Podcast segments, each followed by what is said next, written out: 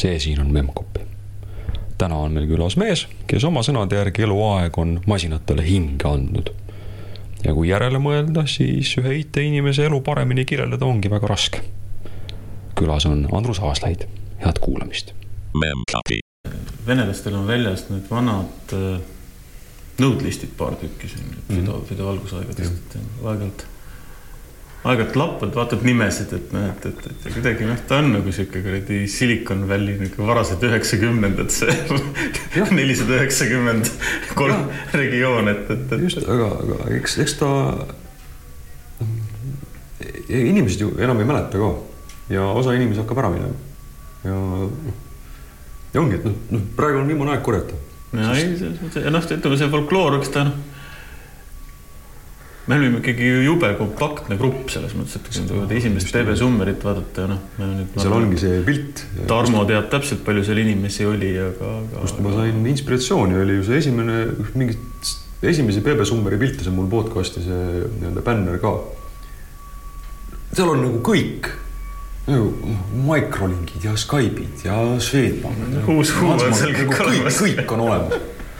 aga hakkame nüüd pihta sest äh, aeg ei oota, ei, ei. tere. tere.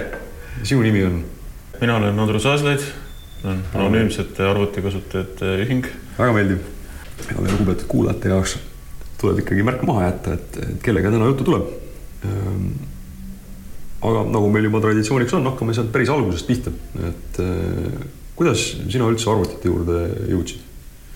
mina jõudsin arvutite, väheseid asju, mis inimesel elus meeles on, et noh, tihti on niimoodi, et meil on sellised elumuutvad otsused, aga pärast me ei mäleta, et kuidas me neid tegime või mm -hmm. kõik tundub, et kuidagi juhtus, eks ole, aga vot neid, seda kahte juhust ma mäletan nagu täpselt, et äh, esimene oli see, et mul oli juba tollel ajal raadiohobi, siis ma olin tegelikult selline põhikooli, põhikooli juntsu ja siis mulle meeldis hirmsasti mööda lühilainet kammida ringis, meil oli kodus selline Meloodia sada üks stereo, see on Riiga raadiotehase toodang.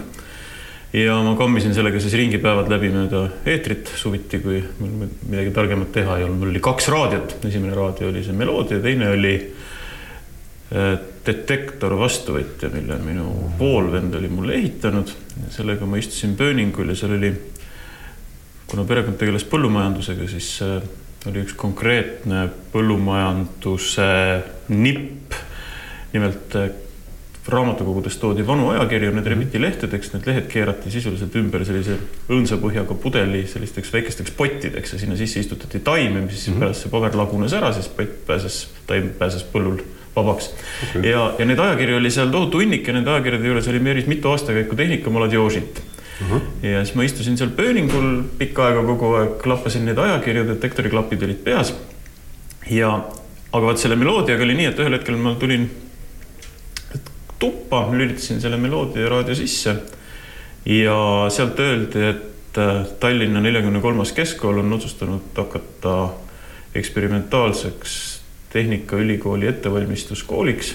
tollel ajal oli ta siis Tallinna Polütehniline Instituut ja võtavad vastu üheksandasse klassi, ei kümnendasse klassi õpilasi, kes tuleksid siis ja tahaksid edasi minna tippi okay.. lülitasin raadio sisse, kuulasin selle uudise ära, lülitasin raadio välja, läksin vanemate juurde, ütlesin, et ma lähen Tallinnasse kooli, ma olin siis neliteist no,. kust, kust sa siis pärit oled, kust kaugelt? Ma pärit olen muidugi tegelikult kahesaja meetri kauguselt sealt, kus ma täna elan, ehk siis uh -huh. Tallinnast, aga mul perekond otsustas evakueeruda Muhusse, kui ma olin uh -huh. kahe või kolmeaastane ja siis mind deporteeriti sinna uh. -huh. nii et oma põrsapõlve oleme kõik Muhus veetnud ja uh -huh. siis ühel hetkel sealt siis tagasi putku tulnud tehnoloogia juurde. no mõni ime, et te mastiga ju läbi saate. mastiga me oleme ühe kooli tegelikult äh, poisid selles mõttes, et Mast oli samas keskkoolis, keskkoolis sel ajal, kui mina olin seal põhikoolis no,. Nii et eh, noh, me oleme isegi sama raadiosõlme väisanud mõnda aega. aga tollel ajal noh, nagu ikka, eks ole, eriti veel maakohtades, et ega nooremad ja vanemad väga läbi ei käinud, aga, aga Mast oli hea poiss, Mast ei peksnud nooremaid ega midagi. siiamaani ei tee seda. Ehm, ma olen aru saanud, et muidugi viimasel ajal seoses professionaalse lollusega aeg-ajalt vähemalt verbaalselt ikka peksab. eks, eks see kihu tuleb meil kõigil aeg-ajalt peale. aga mis seal lühilaine pealt kostis, mida sa kuulasid seal? muusikat või? Ei, muusikat kuulati Raadio Luksemburgist. sealt äh, lühinaine pealt tulid erinevad hääled, sealt tulid morset tuli ja sealt tulid mingid huvitavad kahinad ja sahinad ja siis keegi luges numbreid ja hmm. Ja, ja noh, ega tegelikult lühinaine on siiamaani päris hea tervise juures, et seal on siiamaani, eeter on sodi lõpp maastlaiali täis, et ega ta olemus ei ole väga palju muutunud, võib-olla mingid propagandasaated on vähemaks jäänud ja Hiina raadiojaam on vaikselt kinni pandud seoses sellega, kuidas internet peale tuleb aga, aga, aga üldiselt on see lühilaine samasugune, nagu ta oli nelikümmend aastat tagasi, ma arvan. siis kuulasid neid eh, sahinaid ja krabinaid ja sattusid mingite kas juba arvutiajakirjad seal olid ka või olid see lihtsalt tehnika, tehnika, tehnikamolodjooži ainult? esimest arvutit ma nägin tegelikult just tänu sellele samale poolvennale, kes äh, mulle selle detektori ehitas mm, -hmm. ühel hetkel ta ütles, et Guido Tammissaar, tema oli Eesti Energia arvutuskeskuse üks tegelastest uh. -huh. ja, ja ühel hetkel tuli ta sinna maale, ütles, et tule kaasa paariks päevaks, näed, mis asi see arvuti on mm., sind see tehnika asi huvitab. Ja lubati mind siis maalt linna paariks päevaks ja Estonia puiest äh, arvutuskeskusse, seal olid veel põhiliselt SM-id tollel ajal ja, ja üks mingisugune CPM-i masin, mis tagantjärgi tundub jube kosmiline selles mõttes, et ta tundus mingisugune sotsmaa disain, eks ta mingi bulgaarlane midagi oli. ma olen siiamaani mõelnud, et peaks üles otsima, et mis selline masin võis olla, aga ma siiamaani ei ole päris sada protsenti kindel, mis ta oli. aga selle peal ma niisama natuke klõbistasin, siis SM4 peal ma kirjutasin oma esimese mingi basic'u programmi sellel samal päeval, mis oli mingi derivaat mingist asjast, mida mulle näidati, et näed, umbes nii käib ja edasi ma olin hooked, et edasi sellest ühest päevast nagu piisas, et sõltlane tekitada. see oli siis enne seda, kui sa otsustasid, et nüüd sa oled, oled neliteist ja lähed Tallinnasse kooli? Need olid, ma ei oskagi öelda, ma ei ole sada protsenti kindel, kumb oli enne, kumb oli pärast. Okay et, äh, et, et kas see, kas see huvi, et tulla nagu Tallinnasse, sest ega nad ju arvutikallakut tegelikult ei propageerinud, nad olid äh, elektroonika suurema, suurema, suurema rõhuga, et see okay. tarkvara osa, seda nad väga ei reklaaminud. no see algus oligi nagu pigem nagu ebahuvitav. sest minust pidi ikka elektroonik saama nagu tegelikult, mis noh, minust ka nüüd päeva lõpuks vahepeal sai, aga, aga, aga, aga noh, tollel hetkel ikkagi arvutid tundusid nagu see nagu päris asi ja siis sa käisid keskkoolis, kas valmistati ette ka siis, kas oli sellest nagu siis valmistusest kasu ka? see oli selline kahe teraga mõõk mm -hmm. selles suhtes, et äh, valmistati ette ja valmistati väga hästi. sellepärast, et see keskkooli programm oli pandud kokku noh, ütleme siis niisuguste tolle aja inseneriõpetajate poolt, kes teadsid suhteliselt hästi, mida oleks vaja õpetada selleks, et põhi alla tuleks mm. -hmm. mis tähendas seda, et me saime läbisegi nagu tavalisi keskkooliaineid.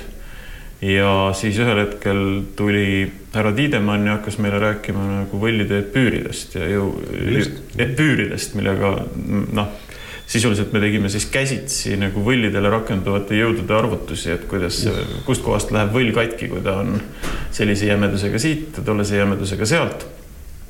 Siis vahelduseks loeti meile mingisugust teise kursuse elektrotehnikat, äh, siis sinna vahele me saime mingisugust äh, inseneripsühholoogiat, mida Toomsalu luges, mis ei olnud vist üldse TTÜ õppekavas või TIP-i õppekavas sees.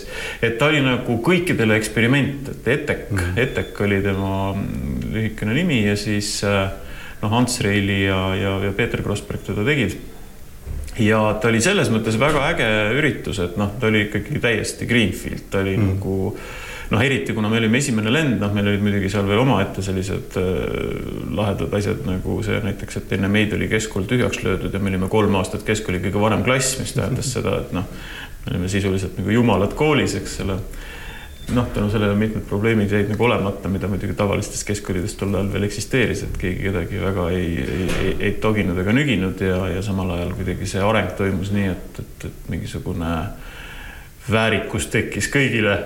et, et kahe teraga mõõk oli ta sellepärast, et ta andis nii kõva põhja, et väga paljud läksid otse tööle, et tegelikult mhm. sellest satsist äh, nagu tippi, noh, me saime ju kõik, kes keskkooli lõpetasid, saime automaatselt tippi sisse, meil ei olnud vaja tippi sisseastumise eksamit teha, mis tähendas, et äh, kogu see vist kaheksateist õpilast läks sealt nagu marssis tippi.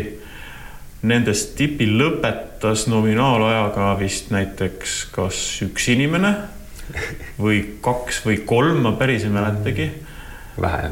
aga, aga ikkagi käputäis, et, et hästi paljud läksid otse tööle, kuna noh, aeg oli ka selline, et, et, et kuidagi see, mida tipis tollel ajal arvutiteadusena lõpetati, ikkagi päris elule veel järgi ei jõudnud. see oli mis aasta? see pidi siis üheksakümmend üks, kaks olema ah,. et see oli siis, kui see Kambriumi plahvatus siin Eestis toimus, et noh, mhm. ühest küljest sul oli, eks ole, noh noh, minu, minu, mina istusin, eks ole, arvuti taga ööd ja päevad ja kirjutasin mingisugusele suurele autopargile, kirjutasin nagu single-handed'i mingisugust tarkvara, mis pidi üleval hoidma tervet autoparki ja samal ajal siis üritasin kuidagi nügida ennast läbi superkalgi arvestusest TTÜ-s, eks ole, kus no, või seal tipis, eks ole, kus noh sedasama superkvalka aeg-ajalt tuli nagu õppejõule nagu näidata, et kuule, et noh, ära, ära nii tee, et nii, nii päris ei käi. mitte, et nad oleks rumalad olnud, aga noh, nemad õpetasid seda, mida nad olid kogu aeg õpetanud. Aga noh, nüüd tekkis ühel hetkel selline seis, kus reaalne elu liikus palju kiiremini kui õppekava ja, ja, ja noh, see. sa ei jaksa ju sammu pidada, aga kuidas sa selle programmeerimise juurde ikka jõudsid, siis pidid ikka kuskil harjutada saama seda Mm, no see oligi nüüd tänu sellele neljakümne kolmandale keskkoolile, noh, tänane siis Tehnikagümnaasium mm, -hmm. et, et see eksperiment kestis või noh, mõnes mõttes kestab seal tänaseni, et noh, nüüd ta on siis Tehnikagümnaasiumi nime all. ja, ja seal oli põhimõtteliselt siis esimest korda selline päris arvutiinimese elu. Et äh, kuna neid äh, IT-spetsialiste seal liiga palju ei olnud, siis juhtus selline hämar lugu, et, et meile Erotohvriga ulatati arvutiklassi võtmed ja hakati koolist palka maksma kümnendas klassis. ja, ja meist... palka oleks ka makstud, vot see on nagu, seda ma kuulen esimest korda, see, et võtmeid antakse, sellest, sellest ma olen kuulnud. ja meile mingi, noh, see natukene vist oli tegelikult seotud selle, natukene vist oli seotud sellise koolipoolse kerge kaastundega, et noh, et, et, et sellist, et sellist otseselt Äh, tööstuskooli peale kaheksandat klassi tulemise traditsiooni juba mõnikümmend aastat ei olnud vahepeal olnud ja kõigile tundus see, et laps tuleb üksi Tallinnasse, kangesti hirmus ja, ja, ja, ja, ja ja, ja kuidagi ma arvan, et see oli pigem nagu niisugune koolipoolne stipendium pigem, mida okay. meile siis maksti, aga jah, põhimõtteliselt meile maksti kahe peale täisõppejõu palk välja, mis oli uh -huh mis oli põhimõtteliselt, ma kahtlustan, et mitte palju väiksem, kui need õpetajad ise seal tollel hetkel said. noh, nii, nii hästi ei ole ma kunagi oma elus varem ega hiljem elanud nagu keskkooli ajal. mis te siis tegite selle raha eest? käisime restoranis söömas ja. ei no see ei, see, kui mida ikka lapsed rahaga teevad. ei no selles mõttes, selles mõttes, aga mida te nagu vastu andsite selle raha saamise eest?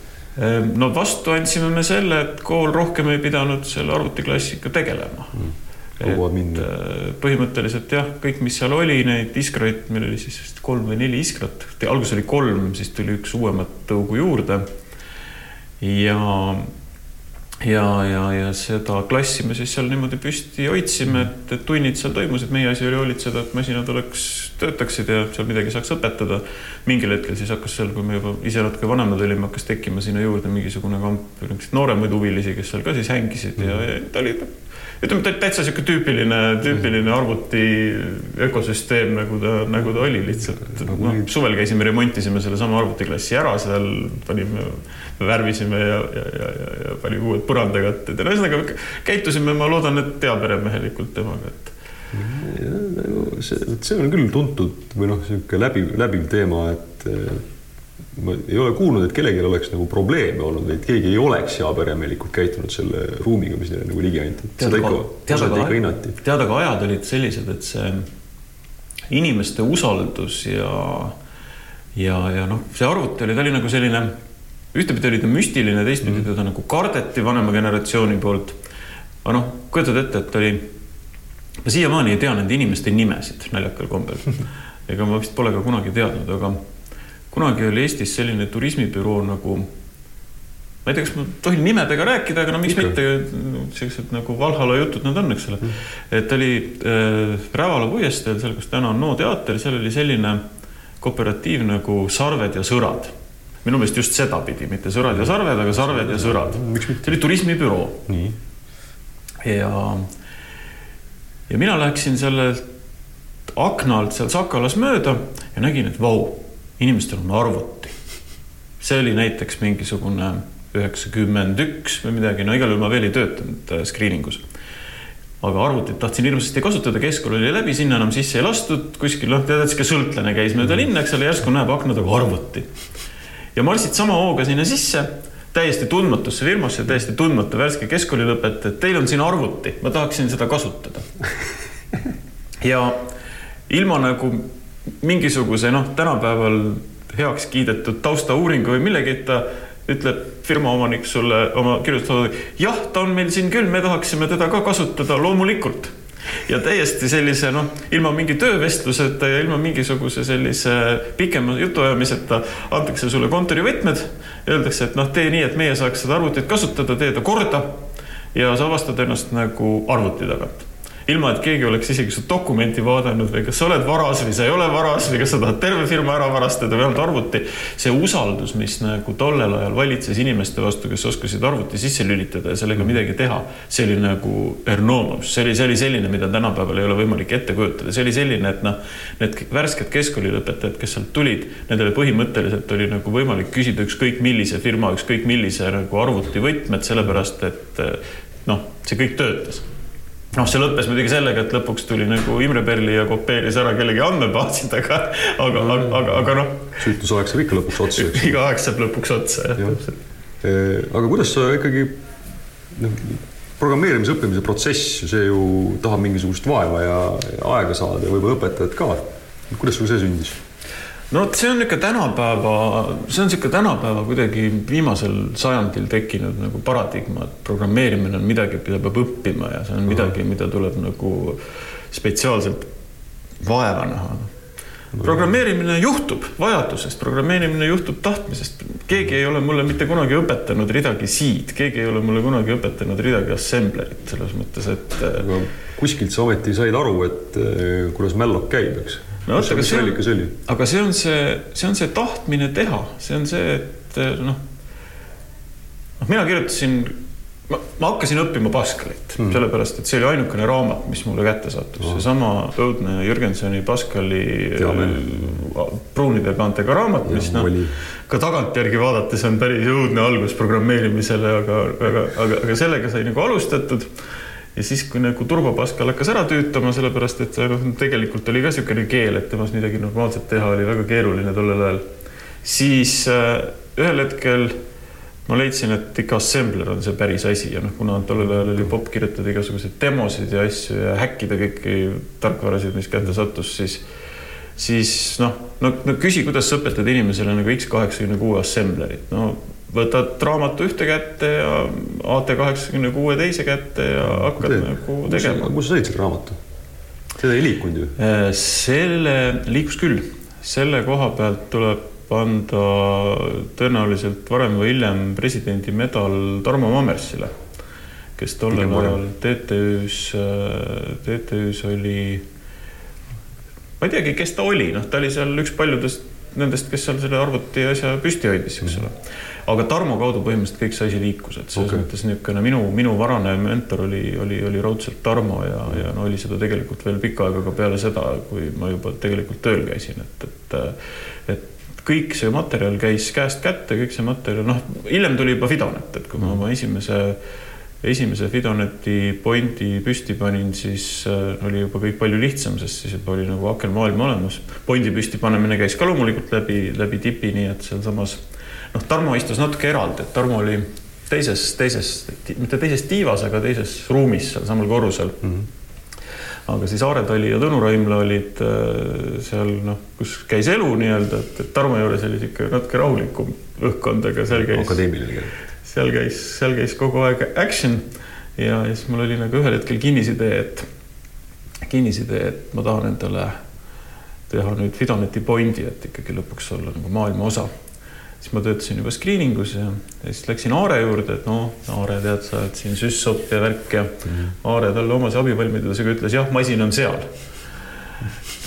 ainult talle omase abivalmidusega. mille peale ma leidsin ennast, leidsin ennast Aare PBS-i masina tagant ja pidin endale sinna valmistama Fidoneti Node'i ma just lõpuks, ma ei mäleta vist, ma kardan, et Tõnu või keegi lõpuks alastas mu peale ja näitas, kuidas seda päriselt teha, aga Raimla mm. -hmm. aga, või, või oli see Aare ise, ma ei mäleta, aga ühesõnaga jah, et noh, ja siis oli juba edasi, noh, materjal oli juba palju kättesaadavam, et siis äh, said juba kõiki igasuguseid dokumente risti-rästi laadida miks sa sinna tippi õppima läksid? ma läksin L-isse ehk siis ähm, äh, ma arvan, et selle oli tolle ajal nimi oli informaatika äkki hmm. siis kuna ma suhteliselt ruttu sain aru, et ma ei ole võimeline hommikul loengutes käima, siis mina ja üks väikene punt äh, teisi, kes olid otsustanud, et nemad peavad õhtuõppes käima, ütle, läksime, läksime dekanaati ja nõudsime, et tarvis on õhtust vahetust sellele üritusele, sest noh, õhtust vahetust tollel hetkel tal konkreetsel alal ei olnud mm. -hmm. Läksime kateedrisse, kateeder ütles, et jaa, väga tore mõte.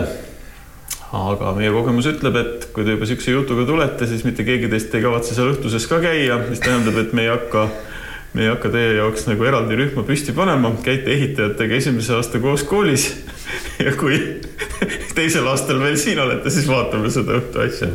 no kas nüüd osalt sellepärast või sellepärast, et dekanaadil oli õigus nii või teisiti, kukkusime me sealt kõik Robinal kolmanda kuu lõpuks välja ja läksime tööle igale poole. nii et tipp on mul siiamaani lõpetamata. aga, aga sa mainisid, et sa kirjutasid mingit autobaasi soft'i kuidas seda sattusid tegema? ei no siis ma juba töötasin mm -hmm., noh, me kõik läksime ju ka suhteliselt kiiresti ikkagi päris tööle, et tollel ajal mingit startup'i kultuuri ja ettevõtluse -hmm. ehitamist veel ei eksisteerinud. ametisse pidi minema me vist lõpetasime ka sellisel ajal, kui esimesed kooperatiivid, aga neid arvutikooperatiive nagu noh, oli siin väike käputäis mm. -hmm.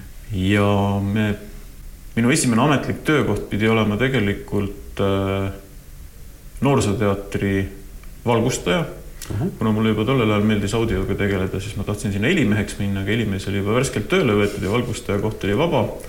aga siis minu meelest mingi päev või kaks enne seda, kui ma pidin lepingu alla kirjutama, tuli Tarmo Maamers, küsis, et kas ma ikkagi päris tööd ei taha teha, et, et kas, et screening otsib programmeerijat ja siis ma mm, -hmm. ja siis ma sattusin screening usse Kalle Lotomõisa juurde tööle ja minu esimene siis ülesanne oligi see, et autopark on sellel aadressil. Neil oleks vaja olemasolev mingisugune, ma ei mäleta, neil oli mingi eriti eksootilise asja peal jooksev mingi andmebaasisüsteem, ma ei suuda meelde tuletada, mis masin see oli igal juhul see ei olnud isegi mainframe, see oli mingi mini.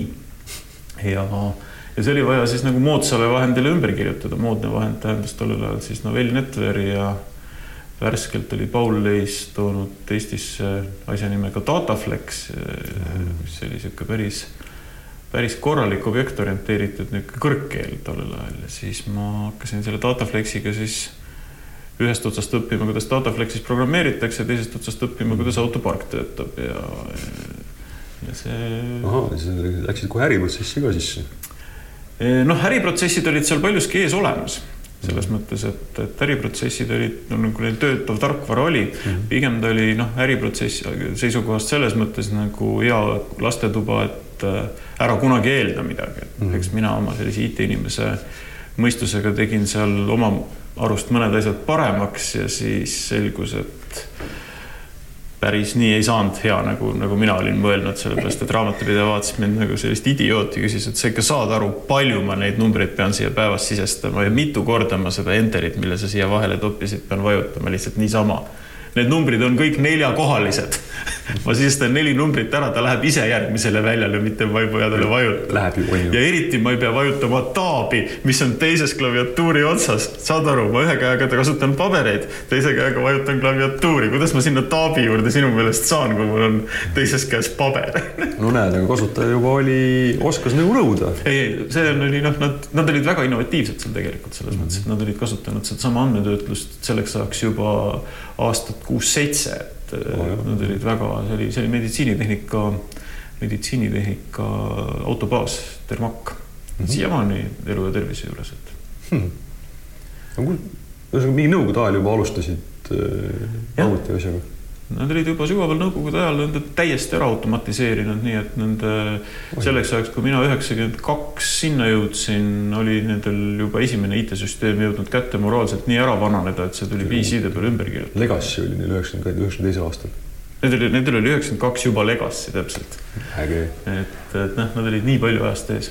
kuidas see screening'u asi nagu kuidas nad jõudsid selleni, et neil on nagu programmeerijat vaja, et, et igast arvutifirmasid, kes nagu kasti müüsid, et neid oli ju küllalt. et äh, aga miks, miks just programmeerija? no Kalle hammustaski läbi selle, et need noh, kuna nad olid kogu aeg seal meditsiinitehnika ümber sebinud ja mm. meditsiinisüsteemi neid arvuteid proovinud müüa, et siis ta avastas seal ühel hetkel, et seal on arendusvõimalused ka mm.. ja, ja siis äh, tegelikult screening ust saigi sealsamas üheksakümnendate alguses saigi arendusfirma okay.. et, et see arvutimüük käis ka, aga noh, mina ei tea, ma tollel ajal väga ei, noore inimesena väga ei süüvinud sellesse, kust raha tuleb aga, aga, aga mulle tundub, et see suht palju sellest tuli arendusest. okei okay..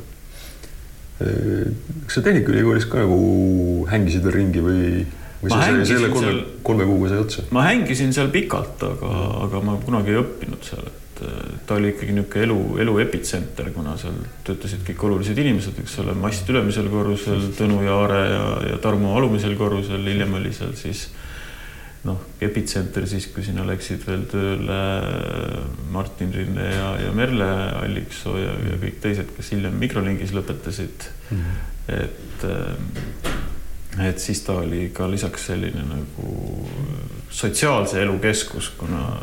Nojah, see on selles mõttes, et mulle, mulle see variant meeldib palju rohkem kui see, et sa õpid, aga ei hängi. et äh, see sinu, sinu variant tundub kuidagi palju, palju nagu mõnusam. nojah, eks ta on, ma ütlen, et, et äh, noh, ma ise ikka soovitan inimestel reeglina, et proovige oma kool kohe ära lõpetada, et pärast osutub see palju raskemaks. on, on. et noh, nüüd mul on mina ja mina ja sõbrad, eks ole, noh, kõik on sisuliselt neljakümnendates hakanud oma haridusega lõpuks tegelema, selles mõttes, et on tekkinud natuke rohkem vaba aega uuesti ja, ja, ja, ja ka mingisugune moraalne vajadus, et, et kuidas sa oled nagu kõige väiksemate pagunitega mees ruumis, eks nojah, aga ega, ega tol ajal nagu tagasi mõelda, siis ega seal ülikoolis tingimata ei olnud nagu, nagu sa ise ütlesid, et see õppekava oli nii palju maha jäänud. et ega sa nagu praktilisest, praktilisest kasut-, kasulikkusest midagi ei saanud tänapäeval no, nagu teistmoodi. no nii nagu kõik ütlevad, et noh, ta oli selline, ta ei olnud mitte tempel selleks, et sa tuled sealt välja targemana, vaid ta on proof selle kohta, et sa oled võimeline consistently mitu aastat järjest asjadega tegelema. et pigem sihuke vastupidavuse ja hoolsuse proov, kui, kui ta tollel ajal mõistuse proov. isegi mitte koolitus, vaid just nimelt proov. kas ma olen suuteline sellest rõngast läbi hüppama räägi tollest BBS-i äh, värgist, et äh, selle, kuidas see Node'i siis ikkagi nagu püsti said, selle jaoks oli ju vaja ju regada ennast kuskil mingisuguse regiooni juures. noh, BBS, BBS, eks ole, kes, kes, kes kuulajatest ei tea, oli varane siis arvutivõrk, mille mõte oli selles, et sa helistad kuhugi mm. oma modemiga ja seal teises otsas on modem, kes sulle vastab Nad saavad omavahel, siis panevad andmeühenduse püsti ja siis sa saad selles teises arvutis, mille küljes see modem oli, saad ringi sobrada mm -hmm.. kusjuures noh, tõepoolest selles mõttes nagu sobrada, et ega tollel ajal see arvuti turvalisus oli selline noh, kokkulepete küsimus, et mm, -hmm. et ma arvan, et suvaline, suvaline üks BBS-i omanik oleks võinud teise BBS-i omaniku BBS-i lasta neljaks tükiks kaks korda tunnis ilma mhm. mingite probleemideta aga seda lihtsalt ei tehtud, sellepärast et see oli selline nagu. ei olnud ilus. see oli nagu saarlase, saarlase ukselukk, et kui sa oled kaika pannud väljaspoole toetanud ukse ette, siis kõik teavad, et sind ei ole kodus ja, ja nii on, eks ole mm. -hmm et, et ei ole vaja katsetada, et kas uks on lahti või kinni, kodus kedagi ei ole mm. -hmm. ja, ja BBS-idega oli see turva umbes sama. nüüd noh, BBS-i tegelikult selline teine ja palju kasulikum omadus oli see, et kui sul juba oli modem ja juba oli arvuti, siis sa said ennast Fidoneti node'iks registreerida mm. -hmm. et BBS iseenesest ei eeldanud midagi, see eeldas lihtsalt modemi ja vastava tarkvara olemasolu. kuskil mingeid hämaraid teid pidi levisid need telefoninumbrid, et kus kohas telefon on, kuhu helistada. seal kohapeal sa said ennast ära registreerida. nüüd Fidonet oli ikkagi juba esimene selline ülemaailmne arvutivõrk selles mõttes, et modemid helistasid üksteisele automaatselt ja ta oli kaunikesti hästi toimiv tolle aja kohta elektronposti teenus, mille üks nagu eriline omadus oli veel see, et äh, ta kuidagi liikus väljaspool KGB huviala selles suhtes, et eks küll kahtlustati, et teda kuulatakse pealt ja aeg-ajalt mingid imelikud modemid üritasid sinu modemiga poole jutu pealt rääkida ka, aga üldiselt teda nagu väga ei monitooritud, vist tundub, sellepärast et äh, mingisuguseid probleeme ma ei tea, et kellelgi oleks kaheksakümnendatel olnud nende mm. modemi, modemiga sidepidamisega ei Eesti ega välismaaga. mis on selles mõttes nagu eriti huvitav, et äh, et kui läksid kaugekõneliinid nii palju lahti, et oli juba võimalik kuidagi automaat valida kuhugile mm, -hmm. siis ju me helistasime igale poole välja ja see Fidoneti meil oli tegelikult nagu esimene, võiks öelda, selline vabademokraatlik sidekanal tegelikult väljapoole. see oli juba kaheksakümnendatel siis? no see oli kaheksakümmend üheksa, kaheksakümmend kaheksa, umbes niimoodi ta Eestisse tuli. aga siis, aga siis sina olid siis keskkoolis ju? alles? no esimese nõudi ma panin püsti küll hiljem jah, aga noh, see süsteem ise töötas varem, et mm, -hmm. mina, mina sain siis vist oligi, ma olingi vist Aare Point. Pointi numbrit ma enam ei mäleta, mis mul oli et äh, nõudi number mul lõpuks endal oli kolmkümmend viis, aga, aga kas pointi number, mis see oli, ma ei mäleta, see oli kaksteist, kaksteist, aga mis nõudi all ka ei mäleta.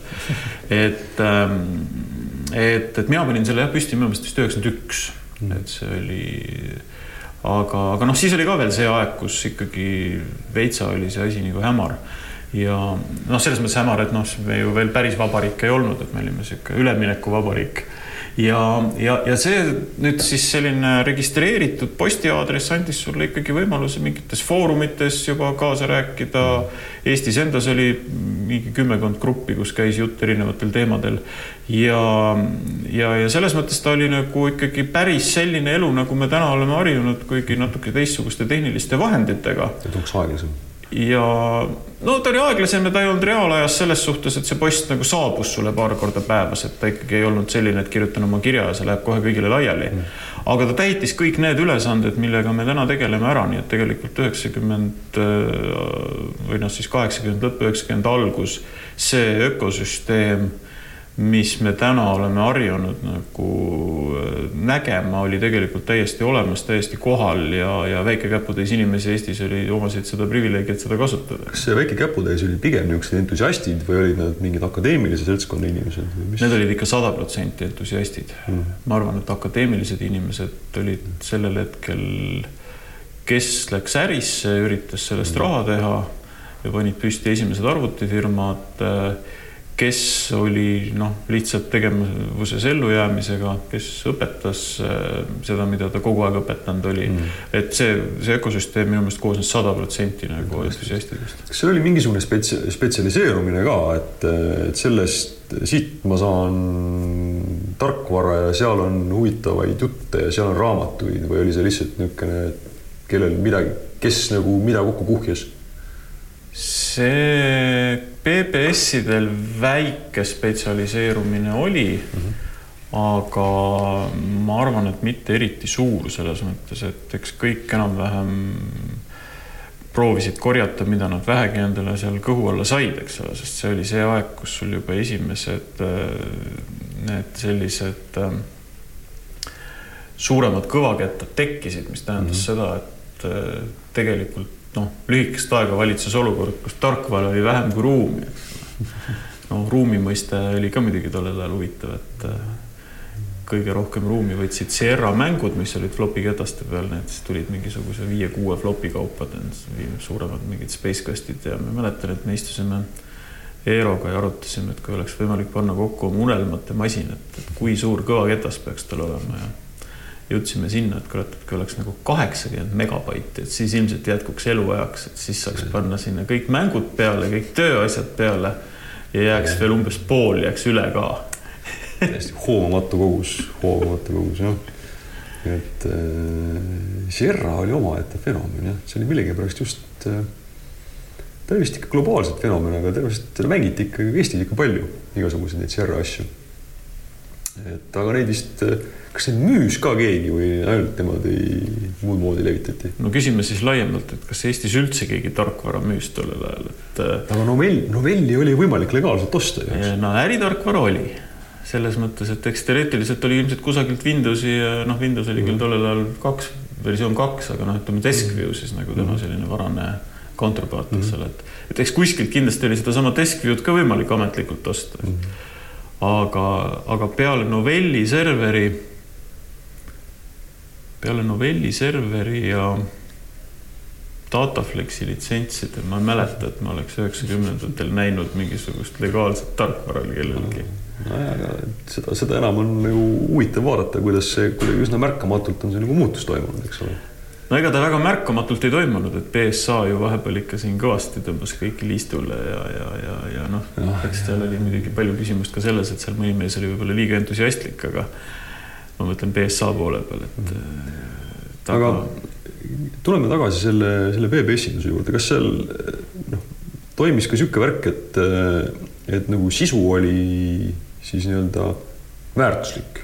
et, et kui sul oli nagu ägedam kuhi oma kõhu alla kokku kuhjatud, et siis teised käisid sinu juures nagu rohkem, kas seda peeti nagu staatuse sümboliks või? ma ei oska öelda. Vot noh, ma oskan ainult enda PBS-i mm -hmm. kohta nagu rääkida, et, et, et, et noh, minu jaoks oli see mina sisuliselt korjasin kokku kõik, mida ma kätte sain. paketeerisin selles mõttes ringi, et äh, noh, PBS-idel oli kõigil oma.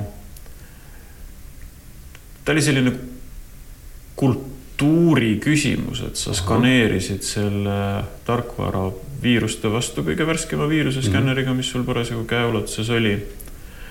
See kõik käis automaatselt muidugi siis sa lisasid sinna mingi väikese faili sinna arhiivi, mis sisaldas mingit sinu header'it, juhul kui, juhul kui sa selle arhiivis pakkisid. see oli siis niisugune väike failijuk, kus oli graafiliselt või siis noh, tollel ajal pseudograafiliselt sinu logo sisse punnitatud kiri. ja siis sa panid ta välja ja, ja, ja panid oma faililisti siis mingisuguse sellise mm, nupukese, et mis asi ta on, eks ole oli jah, see oli, tegid, pakkisid arhiivi lahti, siis seal oli tavaliselt lisaks Binary'le oli ka see PBS-i mingisugune. ja, ja, ja see oli noh, et see oli selline nagu basic housekeeping, et uh, -huh. et see oli, kui see sinu fail läks mingiks järgmisse PBS-i, siis võttis järgmine PBS, viskas sinu logo välja, pani enda logo asemele.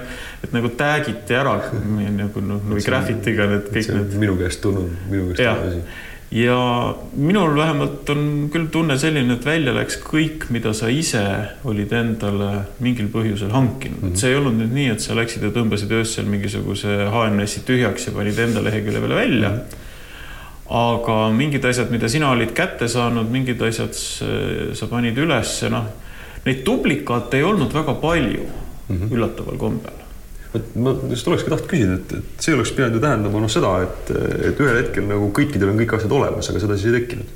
seda ei tekkinud, sest kuna need PBS-id olid väga stabiilselt üleval mm, -hmm.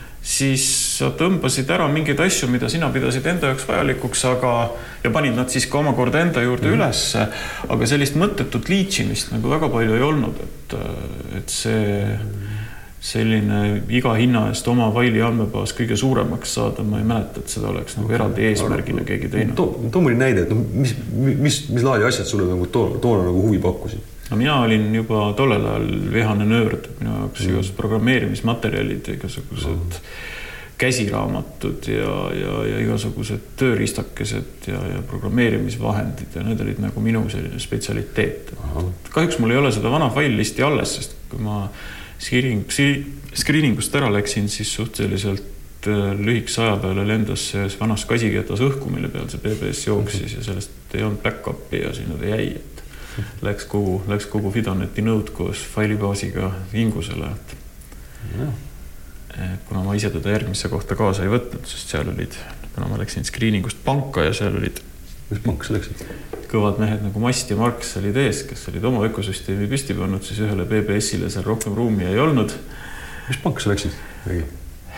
mina läksin sellesse panka, mille lõpupidu nüüd siin kohe nädala-paari pärast kätte jõuab novembrist, mis lõpetas siis Danske nime all Aha. ja alustas, alustas Forex pangana. ahah, selge.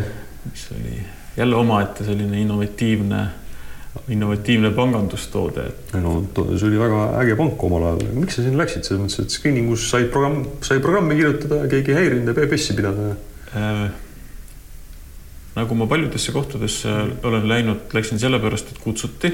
see on hea põhjus ja teiseks, kuna parasjagu Eestis jooksis teleseriaal Capital City, mis näitas panganduse elu väga sellise glamuurse ja, ja, ja high rollerina, siis mulle tundus, et mina tahan ka nii elada.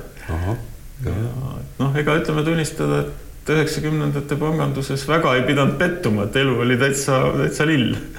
jah, oli päris küll, küll mõnel teisel moel, kui, kui alguses nagu tundus, aga. ütleme nii, et nii nagu selles Eesti teleseriaalis, teleseriaalis Pank päris elu ikkagi noh, meie majas vähemalt ei käinud, et et ma küll tunnistan ausalt, et ma ei ole, ikka päris hulle pidusid sai peetud, aga seda, et keegi oleks kuskil mingi kokaiinise ninaga ringi käinud, seda mina ei tea mm et meie, meie kandis see nagu kokaiin oli täiesti nagu ma ei tea, kas tundmatu või seda tehti salaja või mm. midagi, aga igal juhul ma neid nagu narkootikumidega pidusid ei tea, aga, aga pidutsetud sai hästi. see, kes, see, kes mingil hetkel asja juurde, käib siiamaani. Äh, aga kas ma õieti mäletan, et tol ajal sai, te tõmbasite panka ikka juba nagu püsiühenduse sisse? püsiühenduse tõmbasime me sisse väga konkreetsel päeval mhm. -huh. et äh, meil oli,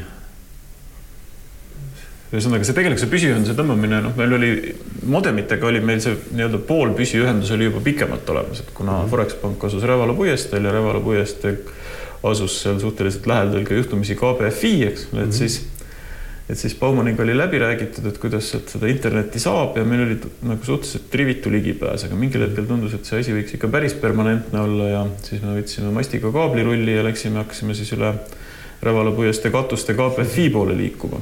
mis oli selle juures tähelepanuväärne, oli see, et see juhtus päeval, mil esimest korda paavst Eestit väisas. kõik katused olid snaipreid täis ja oli mingi tohutu lockdown, et keegi nagu ei tapaks paavsti siin käigu pealt ära. ja meie sellel samal päeval, kui paavst sõitis ringi oma mobiiliga, käisime kaablikeraga seletasime kõigile, et meil on vaja kaablit vedada, me paneme internetti püsiühendust. ja see oli selline maagiline valem, mis nagu võimaldas, võimaldas ligipääsu kõikidele kesklinna katustele, ilma et keegi oleks küsinud sealt midagi rohkem paavstile pähe pilanud. me otseselt nagu, no otseselt snaipritega samale katusele ei sattunud, aga, aga, aga, aga üldiselt jah, midagi ei küsitud ka. natukene oli seal vist vaja mingit häkkimist ka, et mingist koodlukust pidime vist ikkagi läbi minema kogemata, aga aga, aga see oli tollel ajal mehaaniline ja seda tehti nuppude kulumise järgi, et see ei olnud nagu suurem takistus.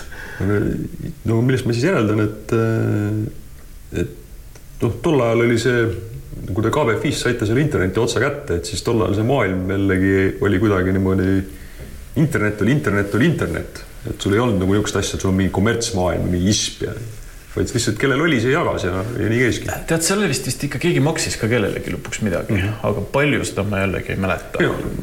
maksmine maksmiseks, aga noh, KBFi ei, ei tõstnud nagu nina püsti ja öelnud, et ei, ei, et, et te olete eraettevõte, et te minge vaadake, kuidas ise saate, et. Äh, raske öelda selles mõttes, et eks ta ju paljuski käis inimsuhete baasil ikkagi mm, -hmm. et, kuna me Baumani tundsime, siis äh, Baumann. Andres Baumann mm, -hmm. et siis kuidas see sealt tegelikult nagu liikus, ega mina ka ei tea, Madis mm. seda asja, Mass seda asja ajas mm. -hmm.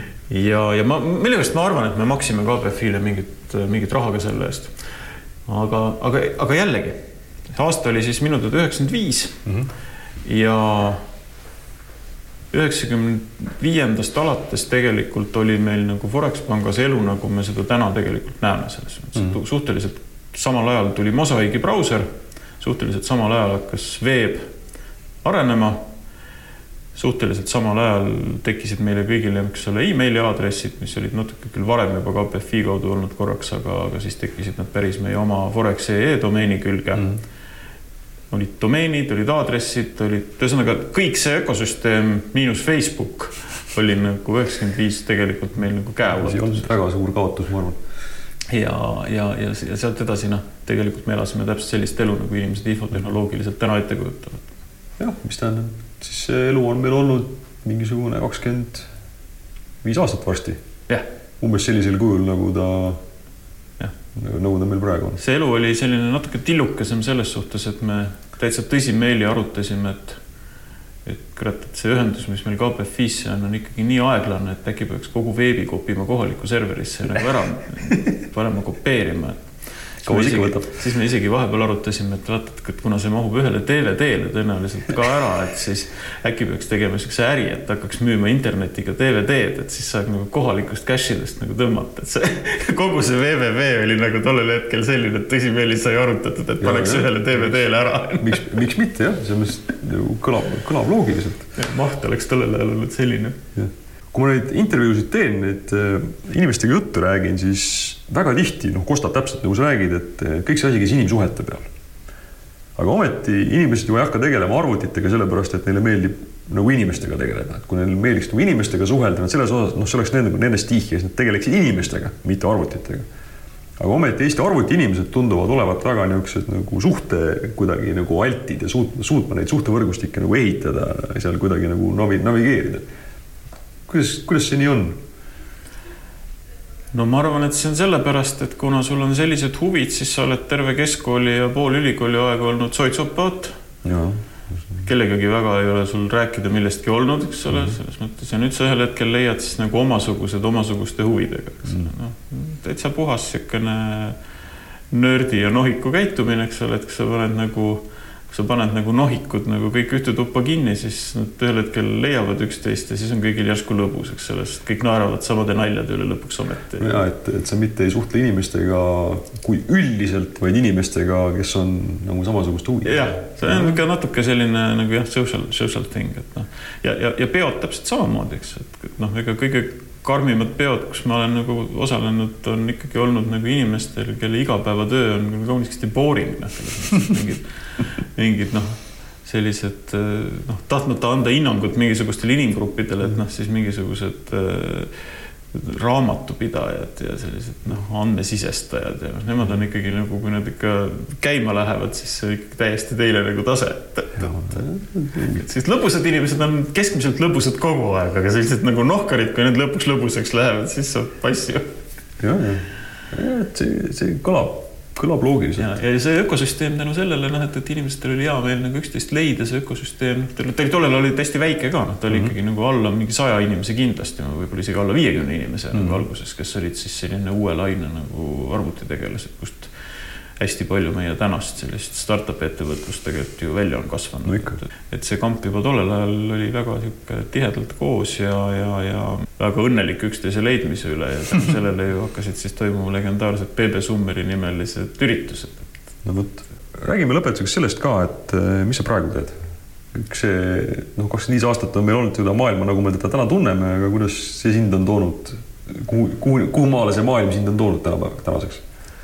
Ma ei tea, noh, see on võib-olla masendav tõdemus, aga ega ta pole mind väga palju sellest nagu kaugemale ega kuhugi mujale viinud, et ma ikka väga laias laastus tegelen täna täpselt sama asjaga, millega ma tegelesin kakskümmend viis aastat tagasi. oi, nii järelikult oskab. ma olen nagu pendeldanud elektroonika ja tarkvara vahel siin edasi-tagasi ja, ja olnud mitme firma CTO ja asutanud firmasid ja neid kihva keeranud ja töötanud teiste juures ja töötanud endale ja, ja tegelikult noh, nagu kui keegi küsib, et millega sa tegeled, siis ma mm. tavaliselt ütlen, et ma annan masinatele hinge. aa, vot see on väga-väga ilus ütlemine, see läheb tegelikult kokku selle küsimusega, mis mul enne jäi küsimata, et eh, tavaliselt inimesed nagu kukuvad kas nagu tarkvara poole pigem ja siis on neil see riistvara pool on niisugune nagu noh, vahel, vahel tegelevad siis, kui flogistonid välja lendavad või on vastupidi, et inimesed nagu keskenduvadki nagu riistvarale ja siis mõnikord harva tegelevad tarkvaraga juurde. aga sul tundub olevat niisugune noh, nagu üks jalg ühes ja teine teises mm,. noh, ütleme niimoodi, et vaadates oma elu, siis ma muidugi tahaks, et tarkvara oleks mu tõmmanud endasse, sellepärast et see on nii palju nii palju lihtsam ala mõnes mõttes. füüsiline maailm on ikka nii messi. vigu on palju lihtsam parandada ja, ja, ja, ja asju ära visata peaaegu üldse ei tule, mis katki lähevad mm -hmm. selles mõttes, et kettaruum ei maksa täna eriti palju, erinevalt elektroonika valmistamisest aga, ja utiliseerimisest. aga ometi läks nagu teistmoodi, et kuidas see nii oli? vot mul on kuidagi juhtunud niimoodi, et mul on see reaalne maailm, et mul, kui ma näen kui ma panen tule vilkuma ja näen, kuidas see nagu manifesteerub päris, päris mhm. asjades, et siis mulle kuidagi läheb tuju paremaks, et et kuna mul see elektroonikadisaini pool tundub, et tuleb ka välja, samal ajal ma ikkagi taustalt olen nagu programmeerija, et siis ma olen nagu sattunud sinna sidemeheks, et mm, -hmm. et, et ma suudan tõlkida riistvara tarkvara jaoks ja vastupidi, mis mm, -hmm. mis on selline noh konkreetne töö, töönimetus on embedded engineering mm, -hmm. Mis on, tundub täna vaadates, mis meil koolidest äh, saabub, siis täiesti väljasurev kunst, et -hmm. et neid tegelasi, kes suudavad nii riistvara valmistada, kui sellele ka tarkvara peale kirjutada, noh, neid üritatakse nimetada mehhatroonikuteks või kelleks iganes, aga aga fakt on see, et nende juurdekasv on järsult pidurdunud ja, ja see varem või hiljem hakkab meil nagu probleemiks muutuma. noh, tõsi küll, töömeetodid ka muutuvad, et et me kasutame täna võib-olla töövahendeid, mis iseenesest annavad näiteks tarkvaratiimile parema ettekujutuse riistvarast, kui see vanasti oli, et mm., et, et see kirjeldused ja mingisugused markup language'id, millega seda tehakse, on nagu paremad, aga aga noh, fakt on see, et noh, see, mis ma enne ka ütlesin, et noh, ma kirjeldan oma tööd, et ma annan masinatele hinge, mm. eks ole, et noh, see on tegelikult see osa, et kui sa lülitad oma pesumasina sisse, siis mida ta sinu heaks teha oskab või ei oska. Mm. kui hästi see nüüd raua ja tarkvara vaheline see kooslus on välja mõeldud, sellest tuleb ka see kasutajakogemus. absoluutselt. ja, ja, ja, ja sinul on, sa ütlesid enne, et sa oled CTO-na nagu toimetanud, et see ju tähendab seda, et sinna tuleb see kolmas aspekt juurde. et sa pead suutma ka selle kõik nagu ärisse nagu tõlkida, et see on veel nagu eraldi nagu kolmas oskus veel no,. see on nagu kolme osapoole vahel siis tõlkima. noh, CTO amet tegelikult, no vot CTO ametid on kahte sorti, eks ole, et noh, tavaliselt on, tavaliselt on väikestes firmades tähendab CTO, eks ole, seda, et koosolekul on vaja kedagi kaasa võtta ja kuidas sa võtad kaasa ja ütled, et ta on mul programmeerija, eks ole, siis sa pead talle andma mingi visiitkaardi, millega ta näeb välja selline presentable, eks, et noh, tihti väikese firma CTO tähendab lihtsalt seda, et sa teedki kõike, millel on nagu tehnikaline maitse küljes Äh, noh, suurema firma CTO tähendab seda, et sa oledki see noh, täna on startup'i maailmas see customer fit ja market mm. fit on hästi kõva teema, eks ole, et, et kui vanasti, vanasti väga ei tegeletud sellega, siis nüüd, kus on tohutu kuhi mingit investorite raha põlema pandud, ilma et sellest isegi sooja oleks saadud, et siis äh, kõik on hakanud rääkima sellest, et su toodet peab kellelegi nagu tarvis päriselt ka olema, on ju. ahaa, selline innovatiivne. see tundub olevat mingi uuem asi, et äh, niisugune viimaste viimaste paari aasta paradigma, et esiteks, äh, esiteks nagu juba mingi kaks-kolm aastat tagasi hakkas Silicon Valley poole pealt pihta see kultuur, et, äh, et laste kätte ei taheta raha enam hästi anda, ehk siis nende kaheksateistaastaste imeettevõtjate, kes suudavad nagu väga suure kuhja raha korraga põlema panna, nii et sooja ei saa. selle aeg sai seal mõned aastad tagasi läbi ja nüüd on siis nagu selgunud uus innovatiivne lähenemine, et toodet peab kellelegi tarvis ka olema. see on nagu teine selline paradigma muutus et mis tähendab muidugi seda, et erakordselt raske on olnud hakata raha saama projektidele, sest kõik on hirmus järsku pirtsakaks muutunud ja, ja nõudnud, et kust raha tagasi tuleb. eks, eks see käib nagu lainetena ringi, ringi pidi, eks ole, et eh, sinul ju hakkas asi ka pihta sellest, et sul oli ikkagi see, et sind lasti toona sinna sellesse eh, sellesse ettevõttesse uksest sisse arvuti juurde, siis see oli ju ka puhas niisugune market fit'i või nagu praktilise vajaduse küsimus, eks ole. nendel inimestel oli praktiliselt nagu abi vaja sa olid, sa olid nagu kasulik kohe. et see ei olnud mitte nii, et äh, mulle anti, andis keegi raha ja ütles, et äh, osta endale arvuti ja ehita mingi asi, vaid et äh, sa läksid uksest sisse ja sa pidid olema kasulik. ja ei tohtinud asju tuksi keerata. noh, vot seal on nüüd selle kasulikkusega, see on tegelikult õudselt valus teema, eks ole mm -hmm., et, et äh, meil on, kui me võtame mingi IT-süsteemi, aga see puudutab tegelikult nagu riistvara ka, aga noh, riistvaraga on nagu riistvaraga on see asi nagu selgem selles mõttes, et riistvara ei skaleeru, kui keegi teda ei osta mm. -hmm. sa ei saa valmistada sedasama rekorderit, millega me siin nagu teeme, eks ole, sa ei saa valmistada seda rekorderit nagu miljon tükki, kui keegi seda ei osta, eks ole, sellepärast et sa lähed lihtsalt pankrotti yeah.. tarkvara tiražeerimine ei maksa midagi mm. -hmm. ja täpselt samamoodi võib juhtuda, et tarkvara, millest mitte kellelegi mitte pennigi raha ei teki, on tegelikult väga kasulik mm. -hmm. ehk siis kasulikkus ja ärimudel ei tähenda veel nagu mitte midagi omavahel. ja vot nüüd noh, mis seal dotcomi mullidega tavaliselt kipub juhtuma ja igasuguste arvutitarkuse mullidega, eks seal on see, et äh, kuna piir selle vahel, kus asi ei teeni raha sellepärast, et ta on väga hea mõte, mida veel ei ole õpitud raha panna, me teenime.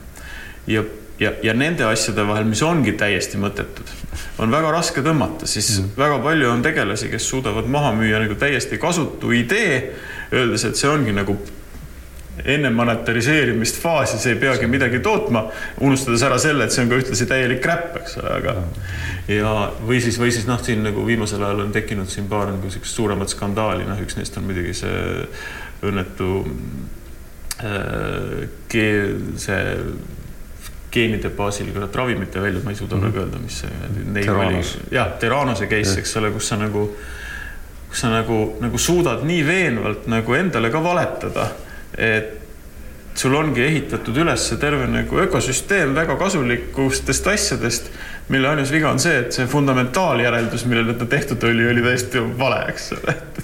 huvitav imede maailm, et, et sellest kahekümne viie aastaga, kui, kui sai tõmmatud üle katuste kaablit, tänasesse päeva, et maailm väga palju teistsugune ei ole, aga siiski natuke ta käib nagu teistmoodi no käib üks asi alati teise või noh, üks asi on oluliselt erinev sellest, on see, et äh, tollel ajal tarkvara valmistati nagu kahel põhjusel mm. -hmm. üks oli see, et teda oli tarvis, mis tähendas, et noh, oli tugev nagu kliendipoolne tõmme mm. -hmm. ja teine oli see, et ma tahtsin, et midagi sellist eksisteeriks maailmas mm, -hmm. mis tähendab, et ma lihtsalt võtsin kätte ja kirjutasin ta kas enda või teiste rõõmuks. ja lasin ta lihtsalt nagu maailma, eks ole mm -hmm., hästi palju mingeid väikesi utiliite, mis midagi kasulikku tegid, olid ju tegelikult kirjutatud kellelegi enda jaoks, ära paketeeritud mm, -hmm. saadetud laiali. noh Eestis seda, et tarkvaraga õnnestuks nagu mingite utiliitidega raha teha, et mina kirjutan mingisuguse vidina ja keegi maksab selle eest, seda kontseptsiooni polnud olemas, eks ole. Corporate maailmas küll, corporate maailmas igasuguseid mingisuguseid raamatupidamissüsteeme osteti, müüdi juba tol ajal väga edukalt ja, ja, ja see kõik töötas. Noh, mujal maailmas tegeleti mingisuguste utiliitide pealt raha teenimisega ka väikesel viisil aga, aga Eestis üldse mitte. nüüd noh, tänapäeval, eks ole, mismoodi see tarkvara tootmine on läinud, on läinud niimoodi, et mul tuleb mingi ilgelt hea idee on.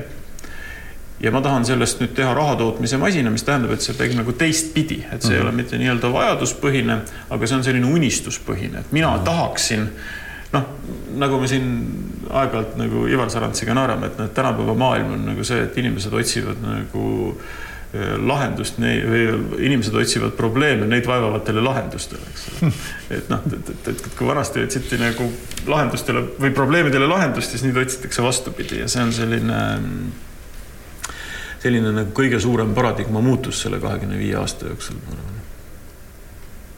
No vot, selle ülimalt olulise järeldusega ma arvan, et tõmbame joone alla tänaseks. aitäh sulle. aitäh.